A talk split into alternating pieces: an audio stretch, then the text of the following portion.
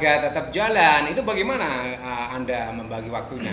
Ya membagi waktunya seharusnya kita harus eh, memikirkan posisi kita dulu di Universitas Semarang. Pertama kita melihat dulu hasil eh, dan latihannya itu hari apa saja yang latihan voli di Universitas Semarang.